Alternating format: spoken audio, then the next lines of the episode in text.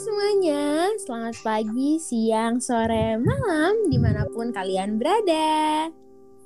Kembali lagi ke podcast Kontra Indikasi by CO Amsa Uki. Judulnya Kontra, isinya indikasi. Kenalin, aku Sarah dari divisi CO. Kenalin aku, Katrina dari divisi MND. Apa kabar nih? Semoga pada sehat selalu ya. Amin. Teman-teman harus selalu dijaga prokesnya ya, karena kita kan masih pandemi juga nih kan. Hmm. Dan di Indonesia pun kasusnya juga lagi tinggi. Yes, bener banget Kak Sarah. Nah, untuk teman-teman semua yang lagi sakit, semoga cepat sembuh. Banyak-banyakin minum air putih, harus banget minum air putih. Makan makanan yang sehat, bergizi, makan sayur, makan buah. Dan yang paling penting harus istirahat yang cukup. Nah, kalau teman-teman bosen, bisa banget nih langsung puter playlist Spotify Amsa Uki buat dengerin podcast-podcast kita yang lainnya. Podcast kali ini itu podcast yang spesial banget kak. Karena ini merupakan salah satu rangkaian dari acara hospital visit Yang dipegang sama divisi RNA Nah hospital visit ini bertujuan untuk membuka wawasan mahasiswa kedokteran Tentang teknologi kedokteran, pelayanan, dan perkembangan dunia kedokteran. Nah, Hospital Visit Tenure ini mengangkat tema Early Age and Adolescent Eradication Treatment atau disingkat dengan enhancement. Panjang banget kan? Wah, keren banget ya. Jadi podcast ini tuh merupakan collab program kerja dari dua divisi, yaitu Community Outreach, itu divisi aku, dan RNA atau Research and Academy. Nah, di podcast episode ini kita bakal bahas tentang leukemia nih. Teman-teman udah pada tahu belum sih apa itu leukemia? Atau mungkin nih ada yang baru pertama kali denger nih pas lihat podcast kita. Nah, untuk menjawab rasa penasaran kalian, aku bakal jelasin dulu nih dikit apa itu leukemia.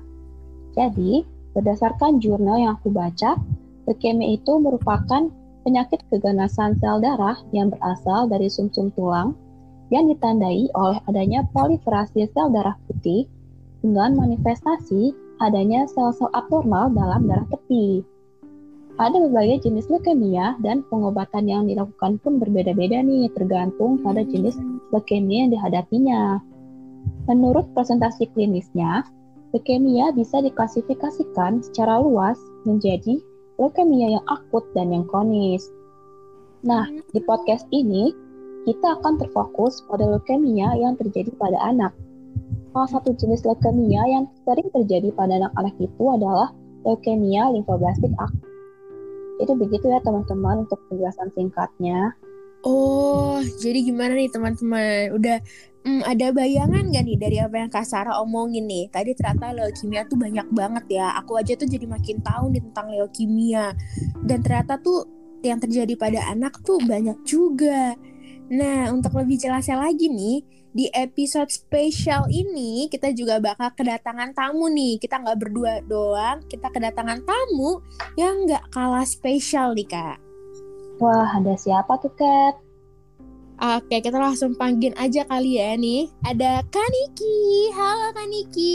Halo semua. Dulu nih. Gimana? Oh iya. Oke, hai semuanya. Jadi nama aku Niki Chris Virgo Sianturi, 25 tahun. Aku dulu pernah kena leukemia, sekarang udah jadi survivor leukemia. Dulu iya, dulu kenanya sih waktu masih anak-anak ya. Kecil ya, Kak? Iya. Apalagi ya kira-kira? Oke, ada lagi Mungkin- Kak mau perkenalan Mungkin perkenalan sekarang tinggalnya di mana, Kak? Oh, aku tinggalnya di Jakarta Selatan. Waktu pas pengobatan Mhm. juga di Jakarta. Hmm? Eh, pengobatanku tuh dulu dari tahun 2000 sampai 2006. Wah, lama juga ya Kak. Iya, sebenarnya panjangnya karena relapse tiga kali, jadinya makanya panjang pengobatannya. Oh. Tapi kalau tadi kalau nggak relapse itu biasanya pengobatannya berapa lama tuh Kak? Eh, standarnya umumnya itu dua Mhm. tahun. Jadi kayak ada fase 3 sampai 6 bulan itu intens di rumah sakit, kemudian rawat jalan satu setengah tahunnya. Itu jadi total 2 tahun. Hmm, oke, oke deh kak. Mungkin kak Sarah nih, gimana nih kak? Mungkin kita mau masuk ke topik utama gak nih kak? Boleh, boleh, boleh. Oke, kita mulai masuk kali ya. Tadi kan uh, Kak Niki ini uh, terkenal saat umur 3 tahun ya kak. Iya. Nah, uh, dulu tuh siapa sih yang pertama kali uh, sadar kakak itu terkena leukemia? Sebenarnya waktu pas sadarnya itu waktu pas ngecek ke rumah sakit, soalnya gejalanya itu uh, panas tinggi, demam, hmm. dikasih obat panadol atau paracetamol hmm. gitu kan, kirain kayak sakit biasa, hmm. sembuh, besoknya hmm. panas lagi, kayak gitu oh. terus sampai seminggu. Nah baru setelah itu papa sama mama kayak, oh, oke okay deh dibawa ke rumah sakit, nggak apa minum obat sembuh besoknya sakit lagi. Makanya habis itu cek darah ke rumah sakit. Hmm, berarti sempat sembuh sembuh panas sembuh panas gitu ya kak? Betul jadi kayak misalkan hari Senin gitu panasnya dikasih obat malamnya hmm. sehat. Oh. sore ke malam itu sehat terus besok siangnya atau besok sorenya sakit lagi panas lagi gitu. Oke oke. Nah kakak nih pas udah terdiagnosa leukemia nih yang pertama kali kakak lakuin apa nih kak? Langsung berobat atau uh, gimana nih kakak langsung tindakan pertamanya? Tindakan pertamanya ya masuk ke rumah sakit terus uh, dicek darah. Karena waktu itu ada tetangga yang yang nyaranin coba dicek darah aja dulu. Soalnya anaknya punya pengalaman DBD jadi tetanggaku ngeliat apa hasil cek darahnya udah masuk ke rumah sakit aja dulu coba dicek ke dokter gitu. Nah setelah itu ya udah sama dokternya dicek darah semua. Apakah langsung didiagnosa leukemia? Enggak ada tingkatannya. Oh jadi uh, jadi sebelum leukemia itu ada yang namanya uh, kayak kayak kita kekurangan darah apa sih namanya itu biasanya? Anemia. Ya, kayak anemia oh, limfoblastik. Oh, oh ya. Jadi ya, jadi paling rendah itu adalah anemia. Kita bisa lah minum obat dari warung, dari apotik gitu yang yeah. banyak dijual ada. Yes. Kalau di anemia limfoblastik itu dia di tengah-tengah posisinya. Hmm. Jadi uh, jadi itu kayak posisi kita nunggu ngeliat apakah ini berlanjut ke leukemia atau mundur ke anemia biasa. Kalau ke mundur ke anemia anemia biasa, udah pulang dari rumah sakit selesai. Digantung ya, nah, ya kak? Iya, jadi di tengah-tengah itu enggak. kalau misalkan ditanya kalau anemia limfoblastik itu kayak gimana? Ya di rumah sakit kayak nunggu di hotel gitu. Hmm. Kayak makan-makan, dicek dicek suhunya sekian, dikasih obat oh tidak, nunggu.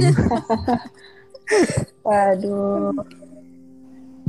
Nah, jadi setelah ya, nunggu mungkin sekitar seminggu, nah baru habis itu keluar dicek lagi, cek darah besar. Hmm. Kemudian ada almarhum Profesor Muslihan. Okay. Itu yang ngecek aku di Rumah Sakit Fatmawati dulu. Hmm. Dibilang gini, sebelum sel darahnya, sebelum hasil darah hasil tesnya keluar, dia udah bilang, Pak, Bu, anaknya leukemia Cuman untuk lebih pastinya nunggu hasil tesnya. Nah, waktu pas hasil tes darahnya keluar, dicatatkan leukemia. Oke. Nah, oke okay, kak. Jadi kan uh, kakak kan udah uh, cek lab nih ya kak, terus yeah. Iya. uh, udah terdiagnosa leukemia. Nah, selanjutnya itu apa, uh, pengobatan apa aja sih kak yang disaranin oleh dokternya ini kak? Oke, kalau untuk pengobatan aku standar kayak kemoterapi aja gitu biasa kayak kemoterapi kan nanti kebagi lagi ada yang intratekal ada vinkristin kayak gitu nah aku yang ngikutin prosedur itu aja oke okay. untuk uh, pengobatannya sendiri nih kak butuh hmm? waktu berapa lama sih kak kayak kayak tadi yang aku udah bilang uh, untuk pengobatan intensifnya di rumah sakit itu 3 sampai 6 bulan paling lama dulu ya tahun 2000 tuh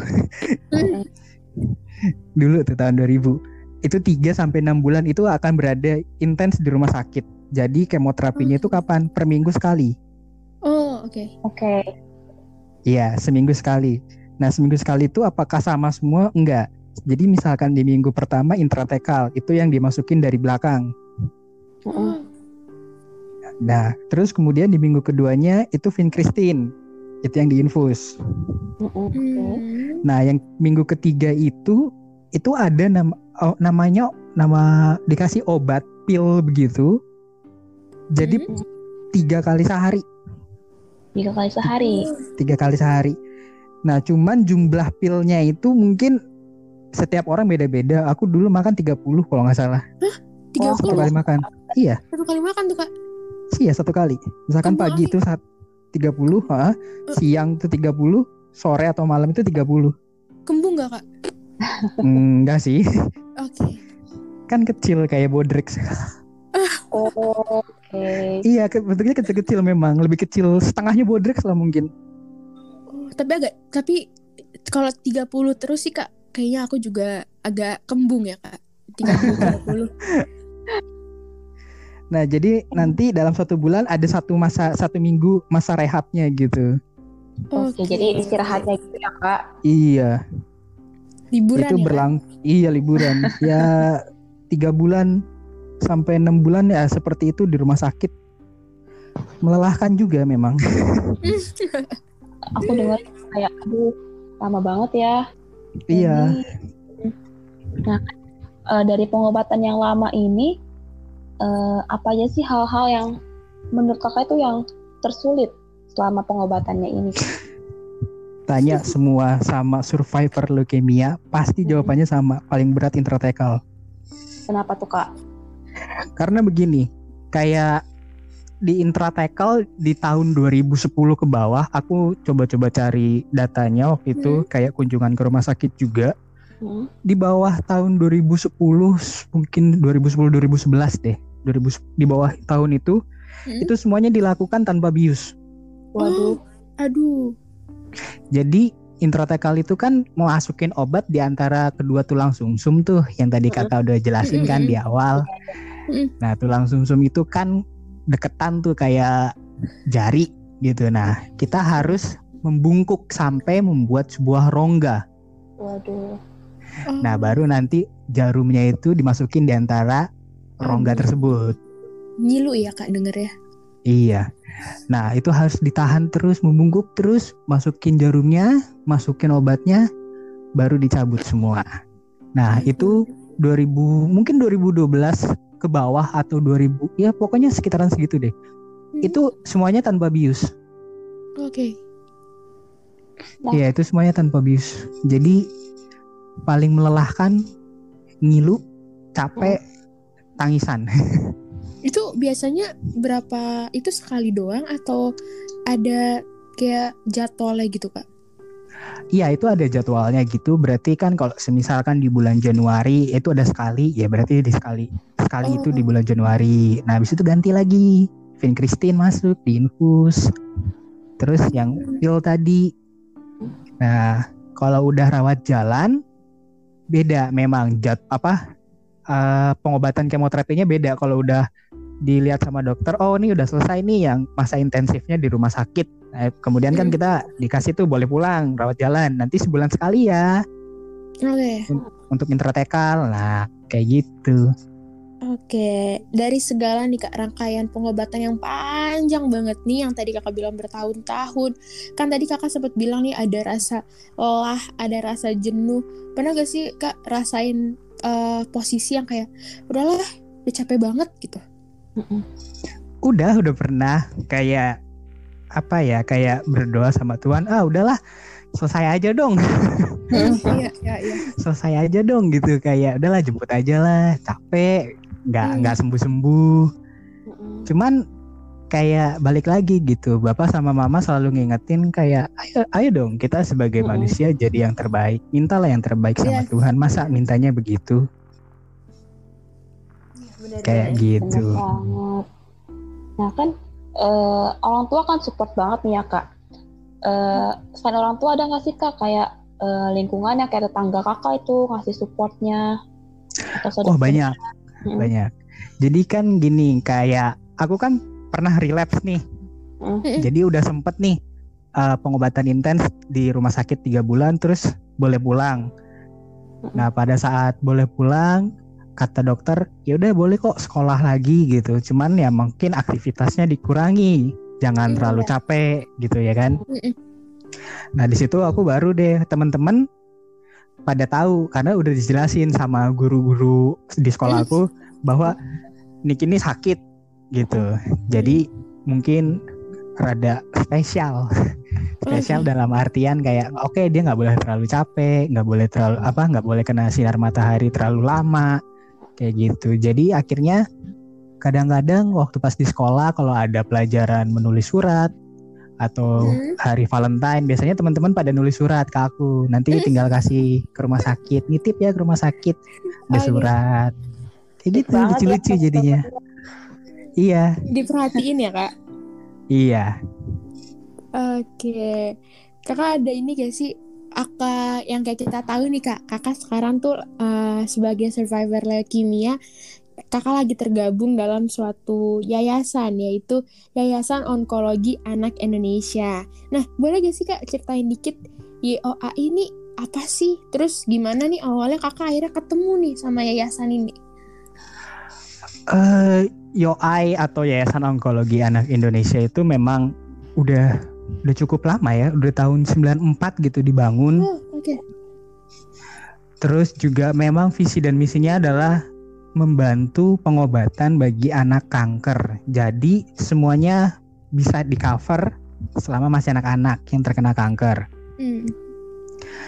Nah, setelah sembuh, setelah ada setelah dikasih bantuan pengobatan, dikasih bantuan psikologis gitu, apakah dilepas begitu aja? Enggak. Nah, itu ada namanya komunitas lagi CBC, Cancer Buster Community. Hmm. Itu isinya adalah para survivor kanker anak yang udah remaja dan dewasa yang telah melewati masa observasi. Hmm. Nah, jadi di situ aku tergabung di komunitas CBC di Cancer Buster Community yang isinya survivor-survivor kanker juga dan enggak sebatas dari leukemia aja atau kanker darah. Ada yang kanker mata, ada yang kanker tulang. Oke. Nah, jadi kayak ya komunitas orang-orang yang backgroundnya berbeda, yang latar belakang kehidupannya beda, tapi kita waktu kecil atau pada saat remaja, eh kita sama loh, sama-sama kanker gitu, sama-sama pernah jadi survivor. Nah, itu sih yang bikin jadi kita kayak klop atau nyambung satu sama lain gitu. Oke. Terus eh, kakak per- ada gak sih yang eh, temen kakak yang dari kecil sampai sek- eh, dari kecil tuh sama-sama kena leuke- eh, leukemia sama kakak. Terus akhirnya sampai gede tuh bareng-bareng jadi survivor. Ah, itu ada. Banyak bahkan. Iya ada ada. Ada beberapa teman aku yang gabung di komunitas juga. Itu memang kita udah satu rumah sakit satu dokter yang sama.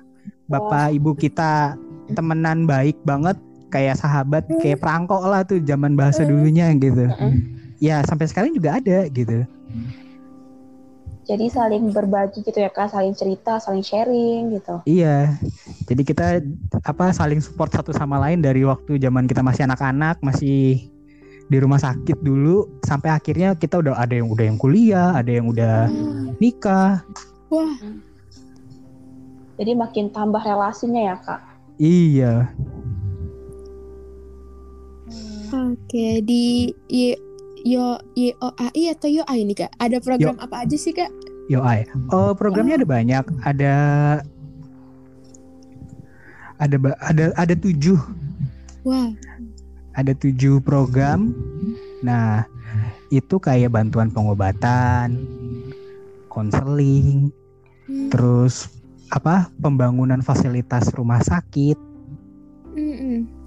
Kayak gitu. Ada kerjasama internasionalnya. Ada bagi yang pengen ikutan, pengen jadi aktivis juga ada. Oke. Oke kak. Jadi eh, untuk eh, bergabung ke yayasan ini tuh, eh, apakah si eh, pasien atau keluarga itu mendaftar atau yayasan ini yang langsung mengapproach si eh, pasiennya itu kak? atau penderita kankernya ini kak? Ah, karena jadi gini, Mm-mm. untuk bisa masuk ke UI biasanya nanti eh bagian dari rumah sakitnya yang akan mengapproach dari pasien untuk Mm. ngasih tahu gitu bahwa ini loh Pak ada yayasan ini yang bisa bantu anak Bapak. Ini loh Bu ada yayasan ini yang punya program ini untuk bisa membantu pengobatan ibu gitu. Terus dari kita juga akhirnya UI itu membangun suatu sosial media campaign bisa dicek juga di sosial media kita untuk bisa gabung, untuk bisa join, untuk mau nanya kayak kayak apa aja sih bantuannya, kayak ada apa aja sih programnya. Nah, kayak gitu. Wah, jadi UI ini tuh eh, sebuah yayasan yang besar banget ya kak. Jadi Iya. untuk eh, di kakak sendiri ini sih selama eh, dari survivor, eh, dari eh, dari apa namanya dari masih sakit sampai sekarang udah sembuh, eh, sampai sudah survivor ini, apa aja sih pengalaman yang eh, kakak nggak bisa lu- lupain dari eh, yayasan ini kak? Buat kalau buat aku sih ada yang namanya program pemulihan. Nah, Hmm. itu program untuk pasien kanker anak dan penyintas. Jadi program ini ngasih edukasi, pelatihan dalam bentuk acara Family Cancer Camp dan Survivor Cancer Camp. Iya, jadi mungkin kalau kita apa ya secara umum kita taunya outing gitu kayak Mm. family gathering nah itu kalau family gathering itu yang di kayak family cancer camp itu sama bapak ibunya kita bawa misalkan ke Bogor atau ke Puncak kita main-main di situ sebagai apa ya sebagai pasien kanker anak gitu atau survivor nah kumpul di situ nah kita aktivitas di situ bonding lah cara-cara bonding gitu. Nah kalau untuk di survivor cancer camp sendiri itu lebih fokus ke survivornya. Nanti di dalam acara tersebut ya sama mungkin pergi ke Bogor atau mungkin pergi ke Bandung pergi ke Malang gitu. Kemudian nah di di tempat itu kita bakalan kayak bonding juga. Bondingnya ada mungkin ada acara outbound terus ada pelatihan apa ada edukasi kitanya. Apa kita datengin orang kayak mungkin motivator atau kayak orang-orang yang bisa ngasih iya narasumber gitu untuk bagaimana sih cara membuka dirimu kepada dunia? Bagaimana caramu harus melihat dunia atau merespon dunia? Nah kayak gitu yang diajarkan. Oke, Kak. Oke kak, jadi supaya kita tuh nggak cepat nyerah ya kak sama sama yang apa yang kita alami ini. iya Oke kak, jadi eh, ada nggak sih pesan yang ingin kakak sampaikan nih kepada adik-adik di luar sana ataupun untuk orang tua yang menghadapi eh, anaknya ini yang sedang sakit nih kak? teruntuk orang tua yang masih di rumah sakit atau masih dalam rawat jalan banyak-banyak telaten bu sama teliti. Kenapa? Karena begini eh, ketika pasien kanker anak apa pun itu Hmm. kalau kondisi tubuhnya badannya nggak fit nggak prima kalau sekalinya drop itu agak susah untuk naikinya lagi. Dan banyak teman-teman aku dulu yang satu rumah sakit yang nggak bisa ketolong gara-gara kondisi badannya kurang fit gitu makanan sih khususnya Heeh. Jadi kalau misalkan udah sekalinya drop, susah ya kak naikin lagi. susah sekali dan itu banyak kecolongannya di situ gitu Oke, ini mungkin bakal jadi pertanyaan terakhir kali Kak ya. Mm-mm. Eh, apa saran Kakak buat eh, para adik-adik yang lagi berjuang? Kayak sarannya misalnya coba makannya gimana? Atau pokoknya saran-saran yang mau Kakak kasih biar para adik-adik ini tuh eh, lebih telaten untuk menjaga pola hidupnya nih Kak. saran dari aku nikmatin hidup. Bahagia. Serius Kuncinya Karena- bahagia. iya intinya harus bahagia sama banyak makan. Kamu suka ayam goreng makan. Kamu suka burger makan makan. Oke. apa yang jadi- kamu suka makan. Karena kalau udah kebanyakan pikiran terus harus kemoterapi lagi makin capek makin turun kondisi badannya. Kasihan. Malah makin stres ya kak. iya Oke, jadi kayak kuncinya Kaniki bahagia itu nggak cuman buat yang sedang mengalami sakit ya kak, tapi buat semua manusia di dunia ini kayak harus hidup bahagia biar nggak sakit-sakit ya kak. Iya. Oke, jadi gitu nih teman-teman perbincangan kita sama Kaniki nih di podcast kali ini. Semoga pengalaman dari Kaniki ini bisa banget menginspirasi kita dan bisa kasih semangat nih buat adik-adik yang sedang berjuang yang sama kayak Kaniki. Terima kasih banyak ya Kak Niki sudah meluangkan waktunya nih untuk menjadi bintang tamu kita hari ini. Iya, sama-sama.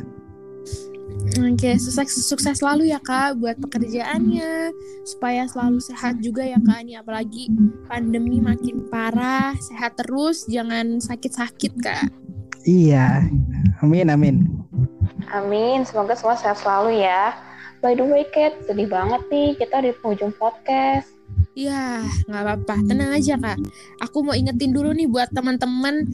Jangan lupa nih ajak teman-teman yang lainnya, keluarga, orang terdekat, tetangga buat dengerin podcast ini karena supaya bisa lebih aware lagi sama penyakit leukemia.